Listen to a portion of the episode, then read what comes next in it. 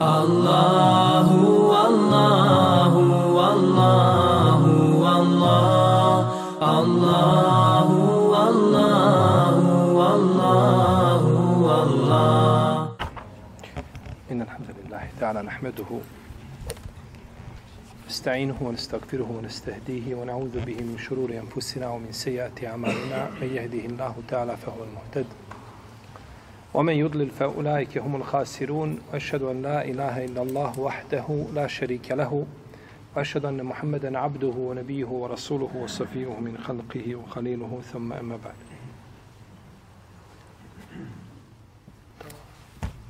Mi smo kazali da ćemo još nešto govoriti, ali tako, o, o ajetu o izđalene il bejteme sabetan in nas. وإذا جعلنا البيت مثابة للناس وأمنا فاتخذوا من مقام إبراهيم min.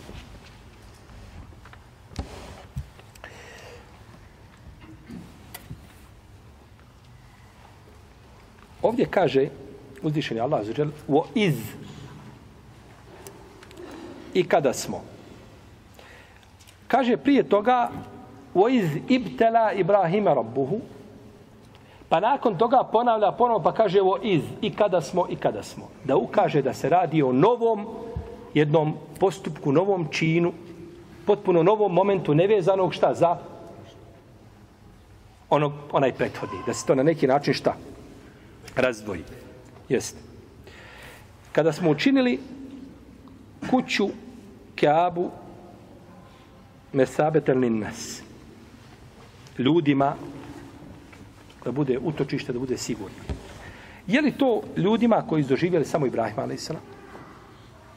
ili stanovnicima Mekke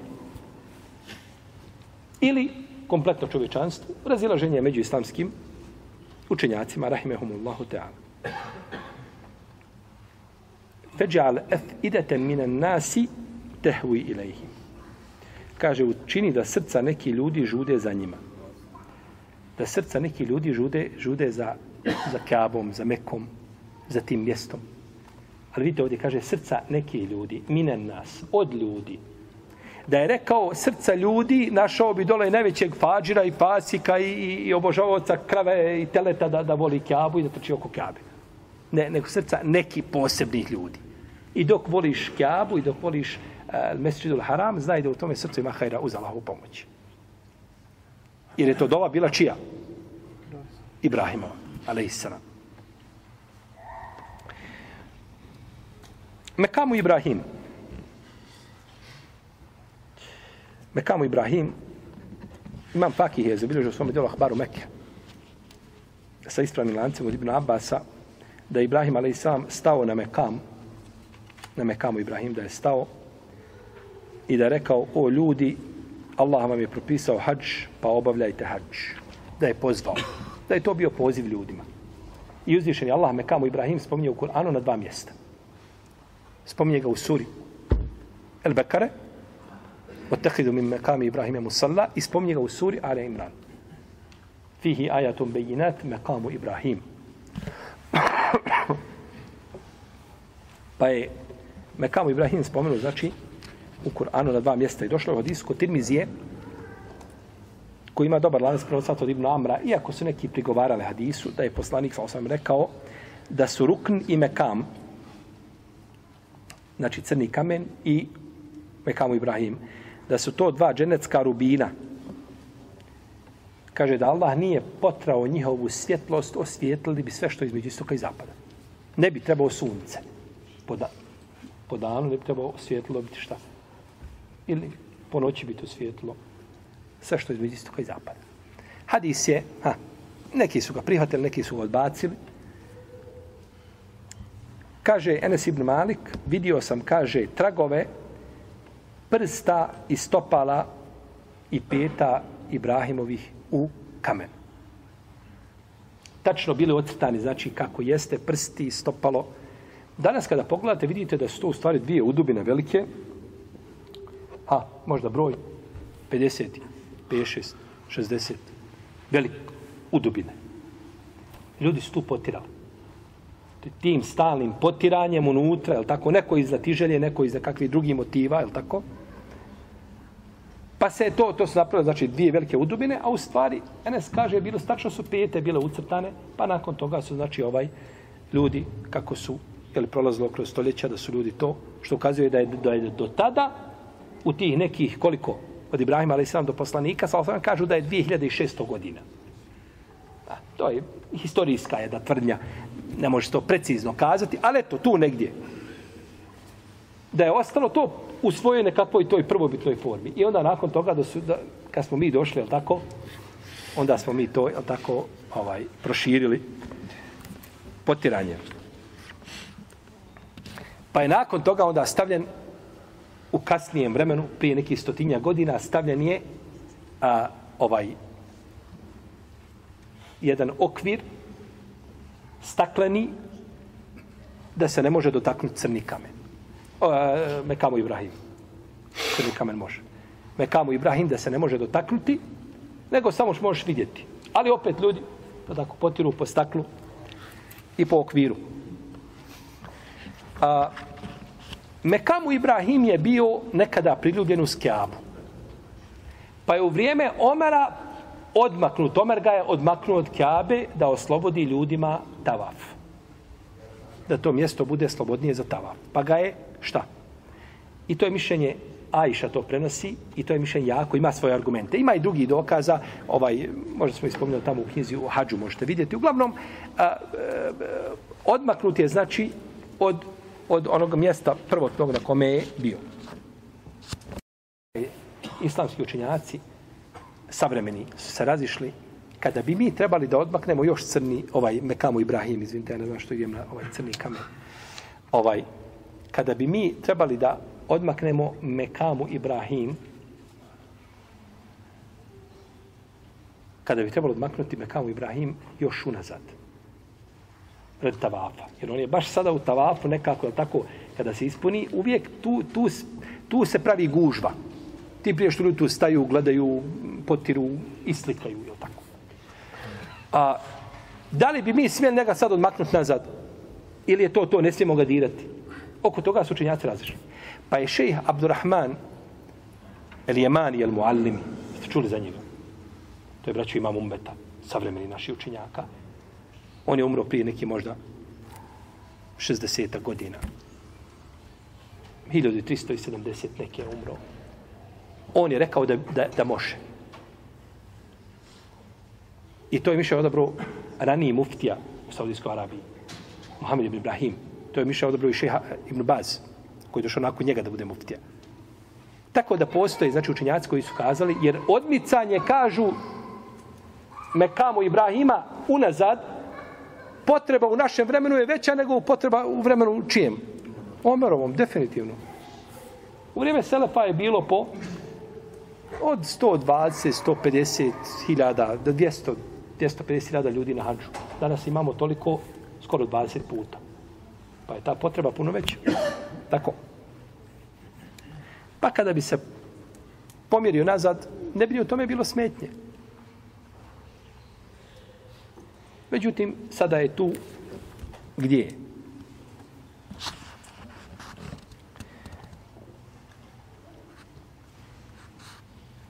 Mekamu Ibrahim. Ovo je čudno, subhanallah. Imamo kamen iza koga klanjamo na hađu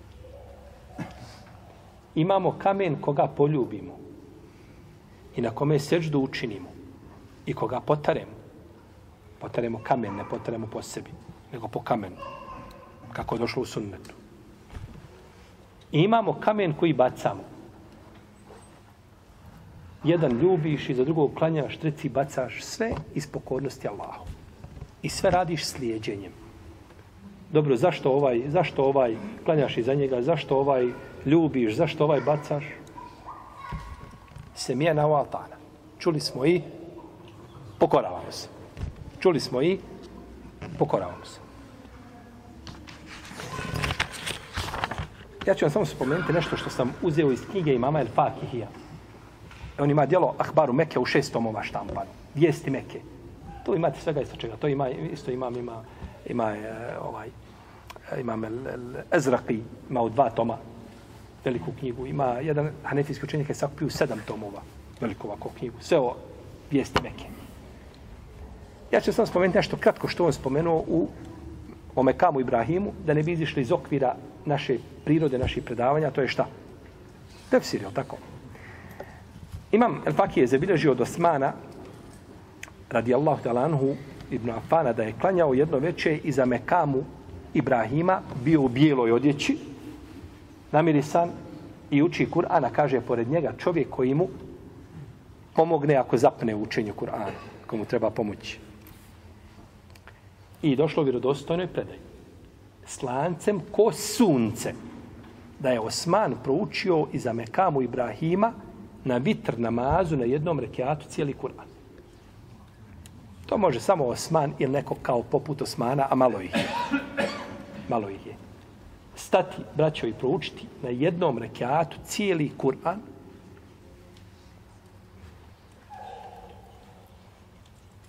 rahimehumullahu ta'ala. I zabilježio od Sabita, kaže, prošao sam pored Ibnu Zubeira, a on kaže, klanja iza Mekamu Ibrahima, sad smo se vratili nazad u tako, prvo hiđarsko stoljeće. Kaže, prošao sam pored Ibnu Zubeira, kaže, on klanja iza Mekama, kaže, kao da je stablo koji... a da imaš malo veću dioptriju ovako iz daleka, mislim da neko donio stablo i stavio da tu stoji. Treba mu za nešto. Stup. Tako je klanjao i za Mekamu Ibrahima. Kaže Alta, čuo sam, kaže Zejda ibn Halida el Džuhenija, i za Mekamu Ibrahima smo, kaže, sjedili, čuo sam ga da je rekao, čuo sam poslanika, sam sam da kaže, ko opremi Gaziju ili se brinje o njegovoj porodici, kaže, ima nagradu kao Gazija. A spominje da je to čuo gdje? Iza Mekama. Tu su negdje iza Mekama, sebi naše mjesto da sjednu. kaže Ibn Đurejč, bio sam, kaže, sa Ataom, sjedio iza, kaže, Mekama, ja iza podne, ja iza Ikindije. Kaže, i nema trećeg pored nas. Pa nam je, kaže, došao, pored nas jeo Elameš, Suleiman ibn Meharan El Ameš, on je umro 148. iđeske godine. Trojica, to društvo, da insan mogao sjeti sa njima pet minuta, mislim da mu ne bilo žao napustiti ovaj dunjalog. Sjedi sa Ataom, Ibn Đurejđom, Elamešom, rahimahumullahu ta'ala. I zabilježio je da je jedne prilike Al-Hadžađ ibn Yusuf Thakafi htio da stavi noge na mekam. Vjerojatno je ležao pa htio dići noge na kam, na kam da se malo odmori, jel tako? radi cirkulacije. Pa mu je zabranio Muhammed ibn Ali ibn Al-Hnafije, rahimahullahu ta'ala, o tajjebe sarahu. Zabranio mu to i osudio njegov postupak. A u drugoj se predaj navodi, isto kod Fakija, da je a, hađač klanjao, pa se bio nagnuo mekam malo. Pa je on digao nogu da ga popravi malo. Pa je skočio Mohamed ibn Hanefije i prekrio mekam svojom odjećom, pa ga ispravio lijep, lijepo rukom i ponovo, ga, ponovo se vratio nazad.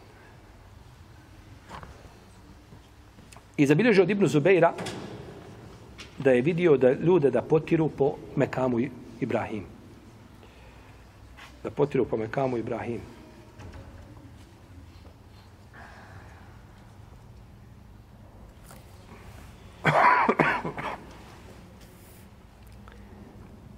Pa kada je vidio da potiru, kaže Allah vam je naredio, kaže da klanjate iza Mekama, a ne kaže da potirete po njemu. I kada je Ibn Đuređu pitao ta, to isto zabilježio Faki. Pitao sam, kaže, je li neko od učenjaka potirao po Mekamu? Kaže, od onih od koji se uzima i prihvata, kaže, nisam vidio nikoga. Doko ko potire mi kad naiđemo, je tako? Šta god vidiš, lijepo potareš po njemu. A kaže, ja učenjaka nikada nisam vidio da po tome potire. Nije to bila praksa Selema. Da su potirali po po Mekamu. Pa je Allah zaista učinio, a kako kaže u Kur'anu, tako, fihi ajatum bejinat. U njemu su jasni dokazi. očiti argumenti. Učinio bereket u Mekki, Mesčidu Haramu, Kabi. Allahu a'lamu hajthu yaj'alu risalete. Allah najbolje zna gdje će dati svoje poslanstvo. Gdje će shodno mjestu, shodno vremenu i shodno kome? Osobi koju će dati. To uzvišenje Allah najbolje zna. Daje svoje poslanstvo gdje hoće, kada hoće i u kom vremenu, na kom mjestu, jeli? Na kom mjestu hoće. Pa je Meka lijek za ljudska srca. Koga Meka ne izleči, ode dole. I toga ne izleči, izleči ga zemlja. Njemu na zemlji nema više, nema više lijeka. Jer, braćo, to općenito Allahove kuće su građene da budu radi ibadeta. A šta mislite onda poglavar tih Allahovih kuća, ako možemo tako kazati, to je Kaaba. Da bude mjesto ibadeta gdje će ljudi liječiti svoje, svoje duše, a to je ono što im je najpotrebnije jel, dok žive na ovoj zemlji. I zato nije, nisu napravljene Allahove kuće da budu mjesta gdje će se ljudi ispričavati. Ispričat ćemo se tu teferiđene kakve praviti po džami. Znači džamija ima svoju ulogu. Došlo u hadis kod imama Ibn Hibana i kod Hakima i kod Tabaranije sa dobrim lancem prenosila ca od Ibn Mesuda i od Enesa da je poslanik sa osaname rekao bit će, kaže, pod kraj Dunjaluka ljudi koji će sjediti u džamijama u halkama, kaže, a njihov imam je Dunjalu, onaj koji predvodi priča oko koje se sve kruži, oko čega se koplja lomešta, Dunjaluk. Kaže, nemojte sjediti sa njima, kaže, Allah nema nikakve potrebe za njima. I ovaj hadis spomenuo šeha Albani u svojim vjerodostojnim serijima hadisa i pojačo ga navodio mu različite predanja koja mu, koja mu koriste. A sabi su ponekad pričali u džami o Dunjaluku. U hadisu Džabir ibn Semure kod muslima u Sahihu se kaže klanjao sam iza poslanika Saba. U jednoj se, u jednom se predanju kaže kod imama Ahmeda u Muslimu kaže više od stotinu puta iza njega. Kaže pa su ashabi ponekad sjedili posle Sabaha i pričali bi kaže o Dunjaluku. Ne o Dunjaluku. Pričali bi, kaže, ono što je bilo u džahilijetu, kaže, i spomnjali nešto od pjesništva, kaže, pa bi se smijali, a poslanik bi se sa osnovima smijehivao. Ponekad nešto da se kaže od mubah riječi u džami nije problem. Je tako? Ovo se razlika od onoga što smo govorili o dizanju glasa prošlog puta, ali u redu. Znate kako je Omer poslao uh, Saiba ibn Zejda da dovede onu dvojicu? Da ih pita. Bili su dakle? Dakle su bili. Stajfa. Stajfa su bili. Dizanje glasa jedno. Priča Dunjalučka u džami je mubah. Ali ne bi to trebalo da pređe i da sva priča bude dok se salamu alaikum rahmetullah, salamu alaikum rahmetullah, e, i otvorimo priču Dunjalučku. Ali da se nešto spomene, to je mubah priča koja nije, znači, zabranjena ni u džami. I što god je džamija skromnija, ljepša je. Čovjek kad uđe u džamiju, stjesnio ga dunjalog. Nema posla, nema primanja, dugovi za vratom, porodica velika, izdaci veliki. On bi trebao da uđe u džamiju i da pogleda, da kaže, pa ovo je Allahova kuća, prazna. Nikakvi ukras u njoj nema. Pa preče, preča je moja kuća da bude takva, je li tako? Danas čovjek kad uđe u džamiju, on u mnoge džamije, njegova se muka još više poveća. To vidi oko sebe, već to su, a tako. Imate džamija gdje uđeš, samo kažeš, maša Allah, te barak, šta je ovo? Da, da, da mi je neko pričao, ne bi povjerao da ovo ima na zemlji. Da ovako može biti. Nismo mi protiv da ljudi imaju džamiju, da lijepa bude džamija, da budu ovaj, taj nekakav luksus koji pomaže ljudima, klima, uređaj, ne znam, rastjeta, sve što im koristi lijepa abdesana, sve to nije problematično. Ali znate li, braćo, da ima džamija gdje se za ukrašavanje, za onu kaligrafiju ukrašavanja, razbarenja, ona što se radi, da se za to da više ili koliko košta džamija ili više od toga. Ja sam gledao u džamiji gdje je dato 50.000 eura za, za te detalje i momente. Kad uđeš da vi posebno ljudi došli, prevalili 3.000 km da to urade. 50.000 eura. Ili možda čak i više. 56, 7 hiljada eura. To islam ne traži od od vjernika. Došlo je od Ebu Darda da je rekao, kaže, kada budete ukrašavali vaše džamije i vaše mushafe, kaže, tada ćete biti uništeni. Tako bilježi Bebi Šejbe sa dobrim lancem prenosaca. Kao riječ koga? Hm? Ebu Darda, nije hadis. Znači, nego riječ Ebu, Ebu Derda. A došlo od hadis kod Ebu Dauda i Ibn Mađi imam Ahmeda, za koga imam Neovi, rahimahullahu ta'ala, kaže da je vjerodostojan. Od danas Ibn Malika da je poslanik, sam sam rekao, kaže, neće nastupiti sudnji dan dok se ljudi ne budu hvalili svojim džamijama. Pa je došlo u hadisu, komentar ovoga hadisa kod Ibn Raslana i kod drugih da kažu, e, doće ljudi sjede pa kažu, ovo je moja džamija ljepša, moja je veća, moja je takva, moja ima ovo, moje. I kaže Ibn Reslan, on je umro 844. iđeske godine. Kaže, i to se je desilo, kaže, nekim vladarima u, kaže, Kairu i u Šamu i u Bejtul Maktisu, kaže, da su tako, kaže, radne, hvali se svojim džamijama. Čime, kakve su njihove građevine bilo odnosno na naše? Ha. O, jači neko ko vježba malo sportista, da se z, z, z, ovaj, u trku da skoči, udari nogama u zid, probiće ga sigurno. Ako su oni tako govorili, šta da mi kažemo da za naše vrijeme? Pa je znači pretjerano ukrašavanje džamija koje je ono što odvodi poglede ovaj, i nekakvi išarani tepisi, zidovi i tako dalje. To je, to je bez sumnje a, ovaj pogrdno i nije to bila praksa znači kroz generacije.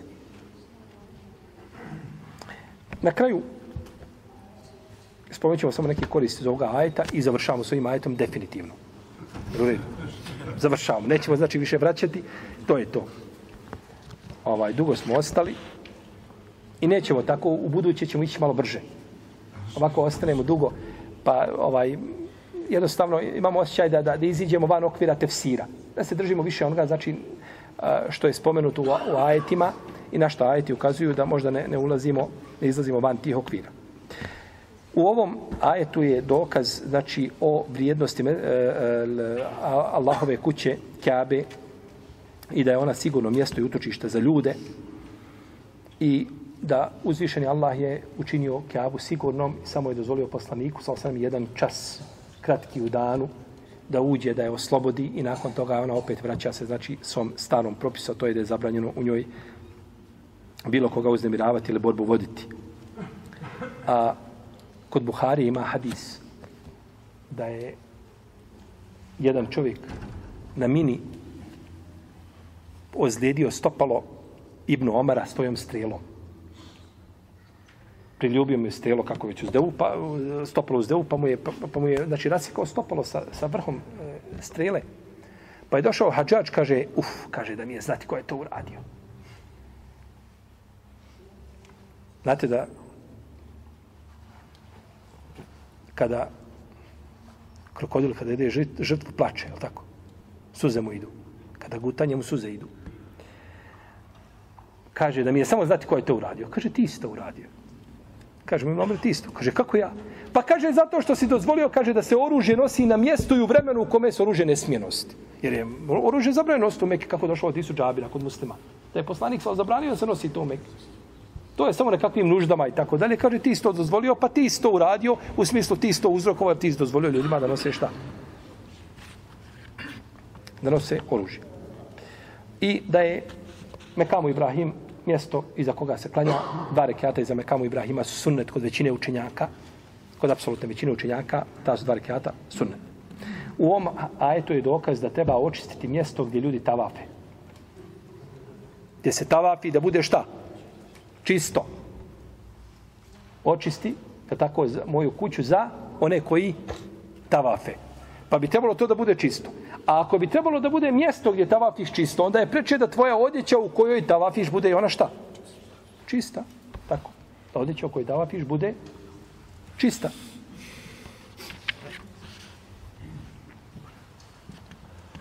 A, tavap neće biti nego oko kjabe tavaf ti je dozvoljeno samo oko Kabe.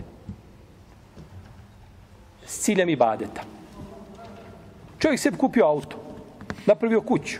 Hoće vas dan da tavapi oko nje da gleda, da se slika. To je tvoje. Maš vakta, slikaj se. Ali nemaš pravo da tavapiš s ciljem čega? Ibadeta. Ama to ti hodaš, ne mogu ja ženo sjediti nikako na miru u kuća, auto mi novo ispred kuće, pa hoda, pa pogledaj, pa lijevo, pa hoda. Hodaj koliko hoćeš. Ali ibadet samo oko Allahove kuće, nigdje drugo se ne može činiti tavafom. To je znači strogo zabranjeno. Time je samo odlikovana, znači kjava. I stoga nije dozvoljeno tavafiti izvan džamije.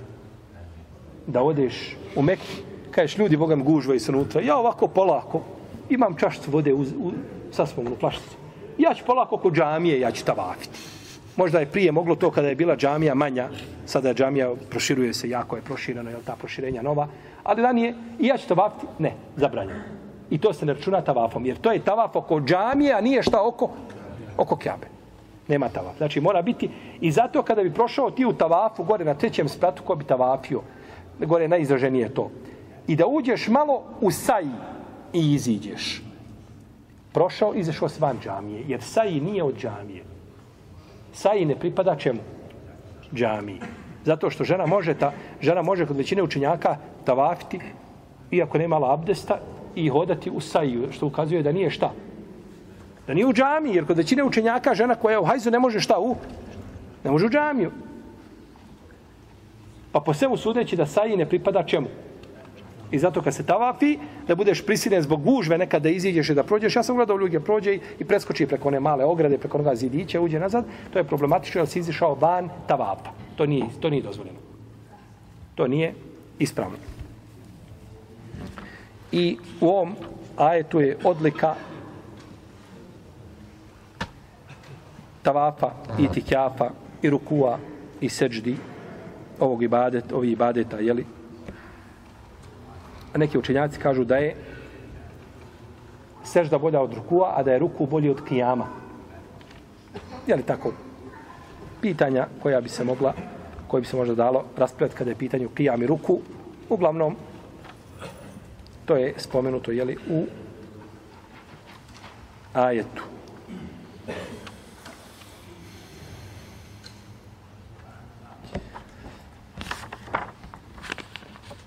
والله تعالى على صلى الله على محمد وعلى آله وصحبه أجمعين. الله الله الله.